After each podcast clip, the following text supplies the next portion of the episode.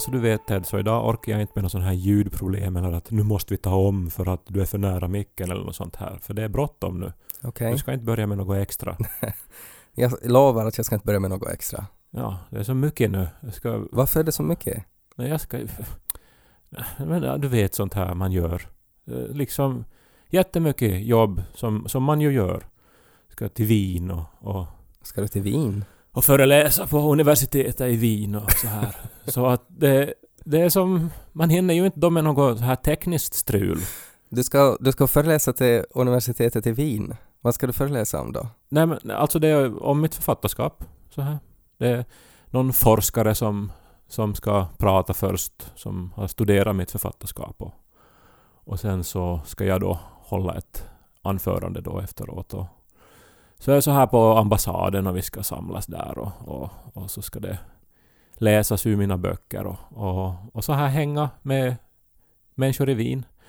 Så att, eh, men du vet sånt man gör. Men vad, har de inte liksom stammande bögar i Wien då? Eller vad är liksom grejen? ja, det var...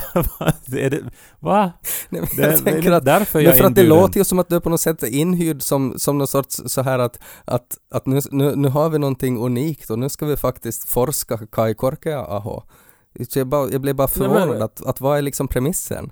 Mitt författarskap, mina fyra vuxenromaner och de ska nu analyseras då akademiskt och, och så är jag då inbjuden gäst och ska hålla ett anförande. Sånt här som man nu gör. Ja, det är otroligt häftigt, för inte det är någonting så här som man gör. Inte jag hört om någon som har blivit inbjuden till Wien och, och som, som ska liksom hålla föreläsning tidigare. Ja, nej men Ted, du känner väl inte riktigt sådana människor då? Alltså jag, jag tycker nog att det är en helt vanlig vecka på jobbet det här. Men jag tänkte bara just så, du menar, så du vet nu då att det är inte något extra strul? Jag vill inte bli stressad eller något sånt här nu. Om vi bara skulle få den här inspelningen avklarad så skulle jag vara nöjd. Buen purmo puut vuossar botling Sun tala sitso popna popkun Så börjar vi popnödena popkun Så börjar vi lys på Ted och Kai Ja, jag har ju inte ens hunnit packa upp väskan nu då från... Jag kom från Bryssel igår och, och var där då med vänner och, och det här... eh, gick omkring på stan och kollade lite stadin där. Ja, Och eh, nu då så ska jag då snabbt hit och bana den här podden då med dig.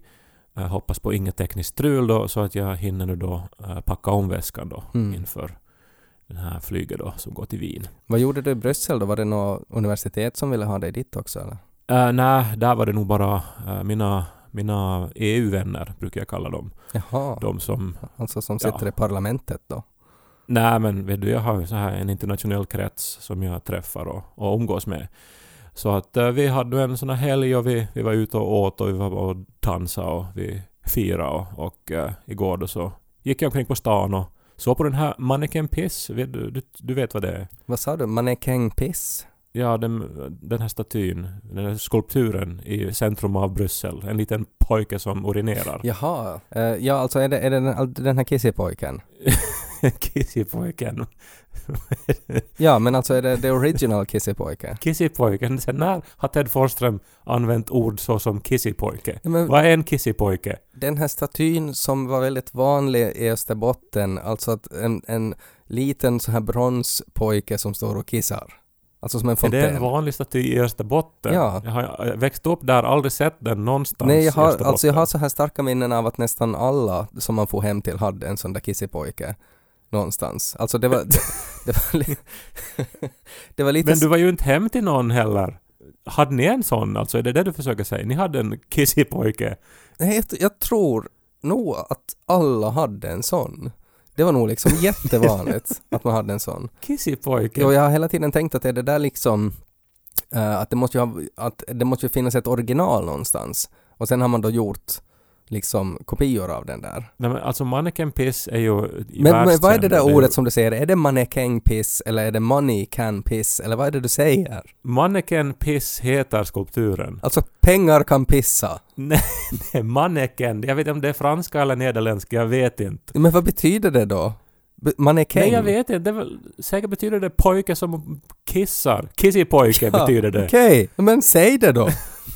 Ja men du skulle inte säga kissipojke och ingen i Österbotten skulle säga kissipojke. Det blir, alltså det är ett sånt här ord som, som man får när man blir förälder tror jag. Att då är ändå, då, då liksom, jag skulle aldrig använda ordet rumpa heller, men att det har jag också börjat använda sen jag blev förälder. Och, och just så här kissipojke och, och sånt där. Vad är det för fel på stjärt eller reve då? Reve, liksom bebisar har inte en reve.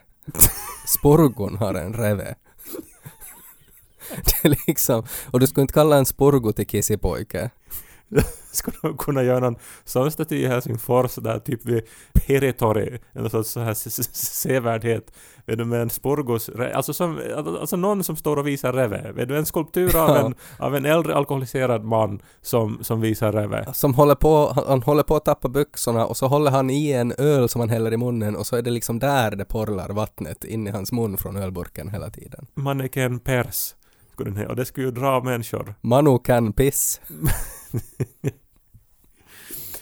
Men det är en märklig sevärdhet alltså, för där, där stod ju människor i kö och det var som, vet du, alltså helt en vanlig gata in i stan och sen plötsligt så är det som en stor folksamling och sen är det en jätteliten skulptur då, uh, uppe på någon sorts uh, stenpiedestal. Ja. Och sen är det som, alltså det är ju vad det är, alltså en pojke som urinerar i en fontän. Ja. Och den liksom drar människor då från hela världen. Och folk är, är väldigt så här att ja, alltså jag undrar så vad det här mannequin piss är för någonting. Varför skrev de inte att it's a pissing boy? Så skulle vi inte ha farit och sitt på den här? Jag lärde mig att det också nu för tiden då har gjorts en Janneken piss som då är en liten tjej som sitter på huk och urinerar på annat håll i stan. Mhm. Vadå, titta på den också? Nej, jag hann inte med den. Jag hade så bråttom. Jag ska till Wien Just det. föreläsa på universitetet så att eh, jag hinner ju inte med allt på en och samma vecka. Men du var besviken då när du såg den här, alltså att, att du på något sätt hade förväntat dig en sån här, var det i Rhodos de hade en sån här koloss som stod liksom över en hamn? Ja, ett av världens, eller antikens sju underverk, ja. Kolossen på Rhodos. Ja precis, man tänker ju sig att det skulle vara liksom en sån då, liksom som skulle stå och att det liksom rinner som ett vattenfall ur honom om han skulle pissa. Ja men man har ju den bilden alltid när man hör om något så här upphausat. När man vet att okej det här är eh, det här nämns i guider, det här är liksom topp 10 saker att se i en världsstad ändå. Mm. Eh, Så då har man ju en bild av en sån här koloss på Rhodos, så man blir ju alltid men nästan alltid blir man ju besviken på sevärdheter. Eller man blir Ja. som så här perplex att ja, var det här allt eller är det som någon, någonting jag inte eh, Ja. märker här nu? Nej men det var, ju, det var ju precis samma sak när jag såg Big Ben. Den skulle kunna heta medium-sized Ben, för att det var ju verkligen ingenting extra med den. Det var ju som en koja med en klocka på. Ja. Nej men alltså, al- alltså det som man ju, som ju stannar kvar och som man ju minns är ju ofta sådana här naturupplevelser. Mm. Jag har ännu inte besökt Grand Canyon men jag kan tänka mig att det är en sån som, som faktiskt då är en upplevelse i sig. Ja, nej, jag, har ju, jag har ju varit i Island flera gånger och, och där är ju nog liksom att när man ser på glaciärerna där och bara liksom att, att du plötsligt är det ju någon sorts vulkanlandskap och så kör du 30 minuter och så är du mitt i allt i någon sorts sommaröken och så kör du 30 minuter till och sen är du på någon isplanet. Det är häftigt. Men nu pladdrar du om någon resa igen. Jag har ju bråttom. Jag ska till Wien och föreläsa på universitetet. Jag kan inte lyssna på sånt här. Så du förstår ju att jag kan ju inte komma och fira din födelsedag imorgon.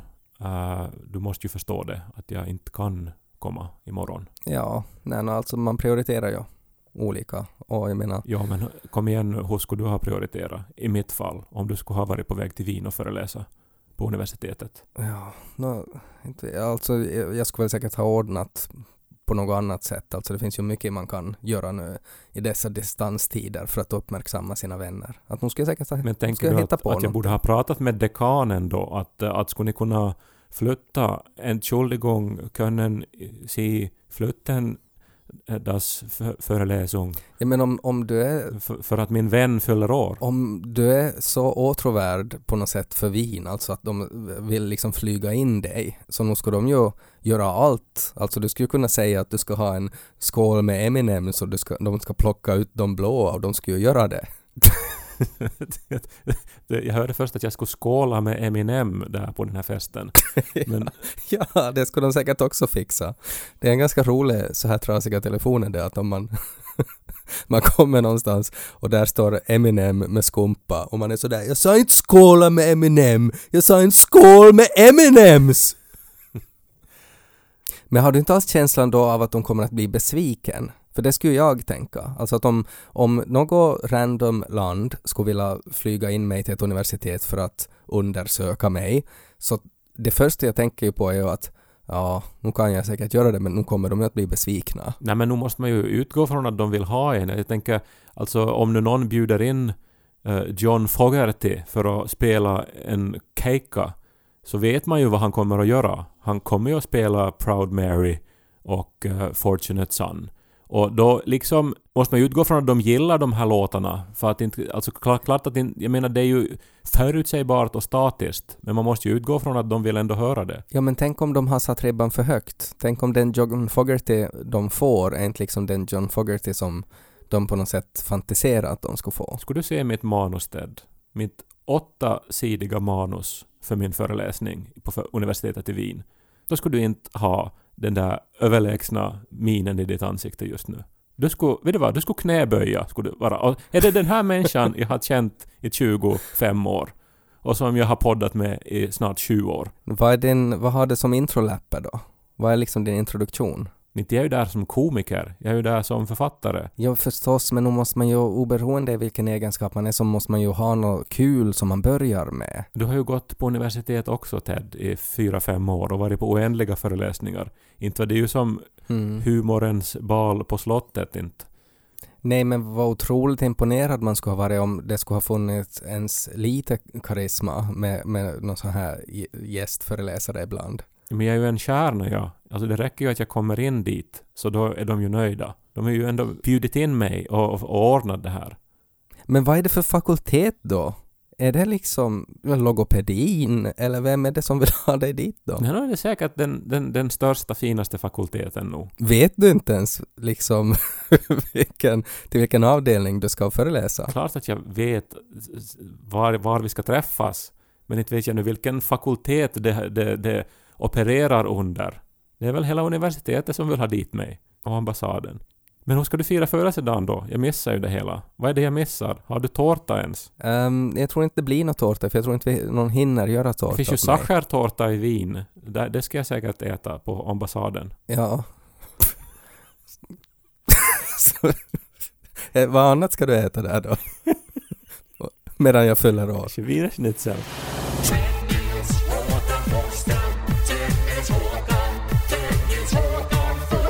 Jag vet att du har bråttom att du är på väg till Wien och sådär men du är ju otroligt störande nu. Alltså att du, du provocerar ju i varje replik du säger och förstår ju på ett sätt också att du gör det. Alltså för att det är ju en speciell känsla också när man får en, en liksom en personlig inkallelse. För att det är ju på något sätt så här mot, alltså om man tänker sådär eh, i Österbotten till exempel, att om det är ett jobb som ska utföras, så då är det sådär att vi måste ha någon som kan hålla i en skyfflo. För vi ska gräva en grop, vi ska bygga en sån Kissipojk-staty och ska vara i en grop. Och då är det ju sådär att, att vem som helst som har har liksom två armar, man behöver inte ens ha tio fingrar, men så länge man kan liksom tejpa fast en skyffla i stumparna på dina armar så kan du utföra det där jobbet. Och det är ju liksom på något sätt motsatsen till nu din inkallelse till Wien, alltså som är liksom personlig, unik, specifikt. Det är bara Kai Erik Korkeaho som kan göra det här jobbet. Och då blir man ju, om jag återvänder till min kissepojke-referens, så stiger ju nog Kisse uppåt då i hjärnan. När det blir så. Så jag förstår ju det också, men samtidigt är det ju, är det ju liksom, det är ju jättestörande. Det, det enda jag begär är att vi ska få den här inspelningen undanstökad med minsta möjliga besvär så att jag ska hinna packa min väska och fortsätta förbereda mig. Hur tror du det blir efteråt då? Alltså för att, för att det är ju ohållbart. Alltså den här känslan du har nu av att du är liksom jättespeciell, så att den, den går ju ganska snabbt över. Alltså sådär att du kommer att bli behandlad som, som Per Gessle då i Wien, eller John Fogerty. och det är ju svårt att återgå liksom till vardagen sen och så kommer du hem, där sitter Nico och spelar Final Fantasy och det är så här tja, har du någon wienerschnitzel eller någonting och så, så är det liksom vardag igen och du är ju inte jättebra på att hantera liksom den övergången kan jag tänka mig. Men det är ju klart att jag vill ta det långt efteråt. Hej, jag fick just annars bekräftat nu då, uh, alltså min rubrik för mitt anförande så har nu fått uh, med beröm godkänt av dekanen här. Vad är, det, vad är den rubrik då? Uh, det är nu en sån här, alltså, men som vet du, en akademisk rubrik har jag försökt göra då så här för mitt anförande att på engelska förstås då att uh, men du är bra på engelska. Ja. On the paleontology of writing and using shame as a compass. Ah, Ska jag utgå från då. Alltså on the paleontology? Ja. Nej men så att det, det får, de, får, får de då ambassadörerna och, och, eh, och eh, universitetspersonalen och, och säkert ett ganska fullt auditorium tar del av då. Så du på något sätt fantiserar att du, du är liksom, vad heter han, Dr. Grant från Jurassic Park, som på något sätt penslar bort damm från fossiler till ett skelett som du kan bygga ihop till en roman. Och sen, sen ja, har nu, du på något nu har de ju bett om att jag ska beskriva mina processer när jag skriver. Ja. Och eh, då måste man ju... Det är ju, det är ju dunkla processer, Ted. Det är ju inte, det är ju inte någonting som man kan bara så här jämföra med till exempel att något som du nu då, gå till Yle, öppna datorn, skriva några mejl, dricka Mm. kaffe, få hem. Utan det är ju så här att jag måste ju verkligen som söka djupt i mig själv och sen när man ska försöka beskriva det här för någon annan så måste man ju ta till metaforer som folk kanske kan förstå. Ja. Som då att vara en paleontolog. Alltså du, du lurar ju hela Österrike. Alltså den där, den där rubriken låter ju som att du har klickat på någon sån här academic generator.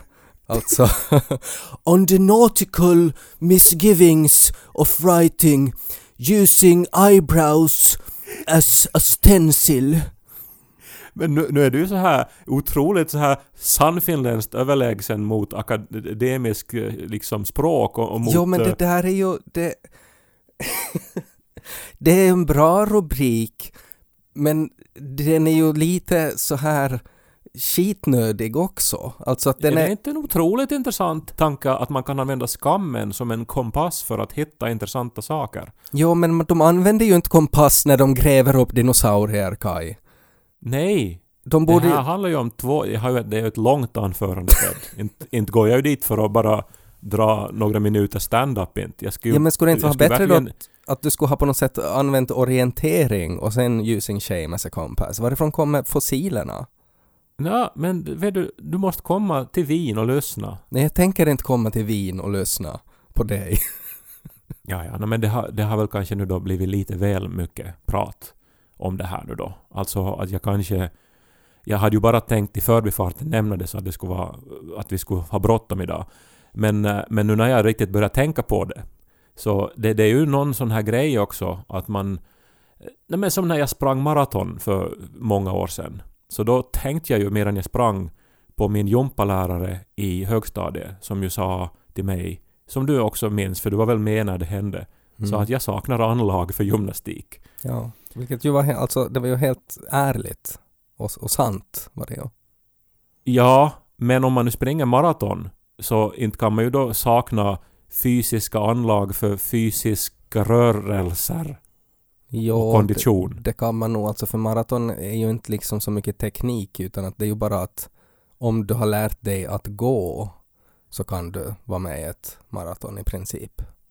Det där var ganska otroligt dumt sagt. Nej men jag tänker att Eh, Alltså, för jag menar nu handlar det ju mest om bollsporter och sådär, alltså där det faktiskt behövs en sorts finess och en teknik. Men maraton är ju bara att du ska inte äta för mycket före och så måste du kunna Men nu springa. hade ju läraren en begränsad bild av vad gymnastik är om det bara var liksom bollsinne som räknades ja. som anlag.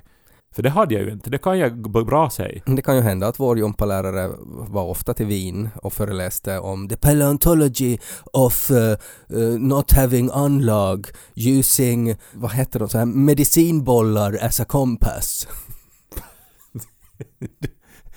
Du är så, du är så Ted. Din uh, missunnsamhet lyser igenom här nu tycker jag. Att uh, du börjar nog att jag... Om, om, om du sa att jag är störande så tror jag nog att 90% av lyssnarna tycker att du är störande nu.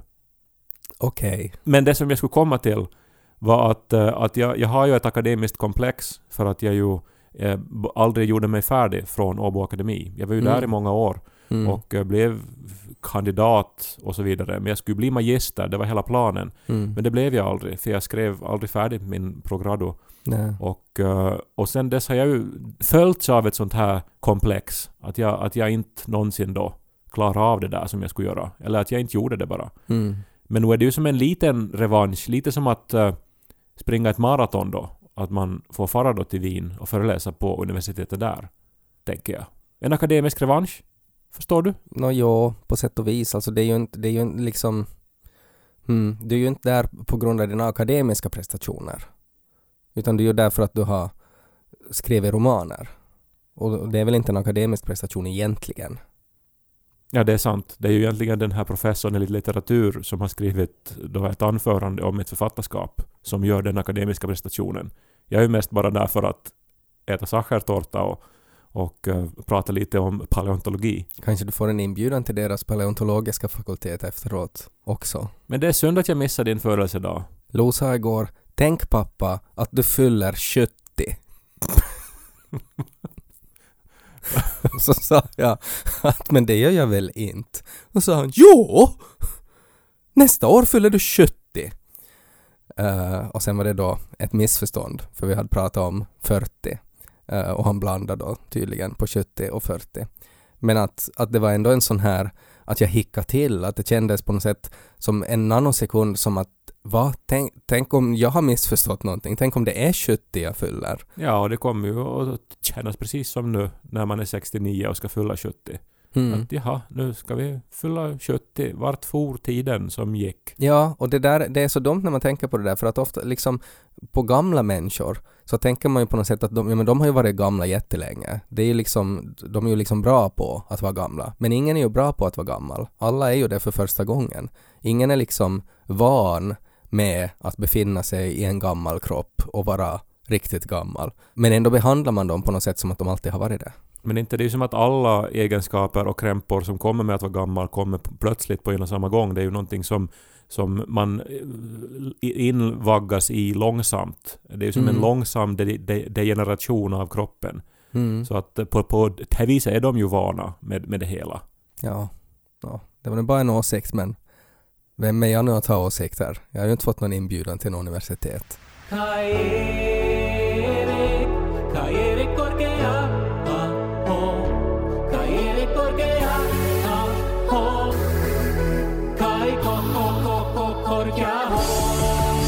Men jag säger redan nu då grattis på födelsedagen. Hoppas du får en jättefin dag och att eh, du får äta gott och känna dig omringad av människor som är viktiga för dig.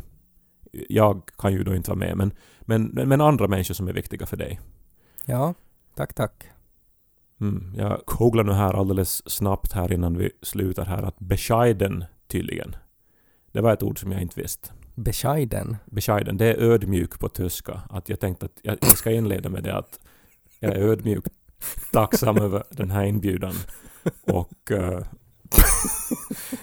det- Ich bin eine bescheide Junge aus Pedersöre. nej men man måste ju ta en sån här inbjudan just ödmjukt och inte som börjar som tro att, att man är någonting. Och Ich att, habe eh, bescheidene paleontologiska intressen. Du bara skojar bort det här nu. Vi måste ju få ihop det nu snart. Så att, så att vi kan avsluta. Så jag kan packa. Har du någonting om Arnold Schwarzenegger i ditt anförande då? Nej, ingenting. Han är ju hemma från Inte sen Österrike. han äh, vädjade till, till, äh, till ryska folket har jag hört någonting av honom. Det var en Nej. fin video. Mm. Men opportunistisk. Han är ju inte så bescheiden, hela Arnold Schwarzenegger heller. Nej, till skillnad från vissa så är han kanske inte. Men vad roligt att du ska få till, till Österrike. Det är jättekul för dig, alltså att du har fått uh, en sån inbjudan. Och antagligen är det väl till någon sorts sån här litteraturfakultet. Alltså det brukar ju det brukar ju inte vara liksom det mest populära ämnet. Alltså att det brukar ju vara så här 10 studeranden, 10 till 20 studeranden ungefär. Så, så kanske ni får så här koka te där i något så här studentrum efteråt. Och det blir ju säkert jättetrevligt. Och den här dekanen är ju säkert, jag menar som man vet att alla såna här dekaner är, alltså att de är ju ganska, det är ju liksom torra gubbar oftast. Ja, de är ju inte liksom de mest så här sociala hjältarna om man säger som så. Förlåt. Neidish tydligen. Jaha, Neidish. ja, Ja. Det, det är avundsjuk på tyska. Så just det. det kan vi bära med oss. Kan du lära dig, det Ja. ordet. Ja. Okej, no, men vi hörs nästa vecka då. Auf Wiedersehen!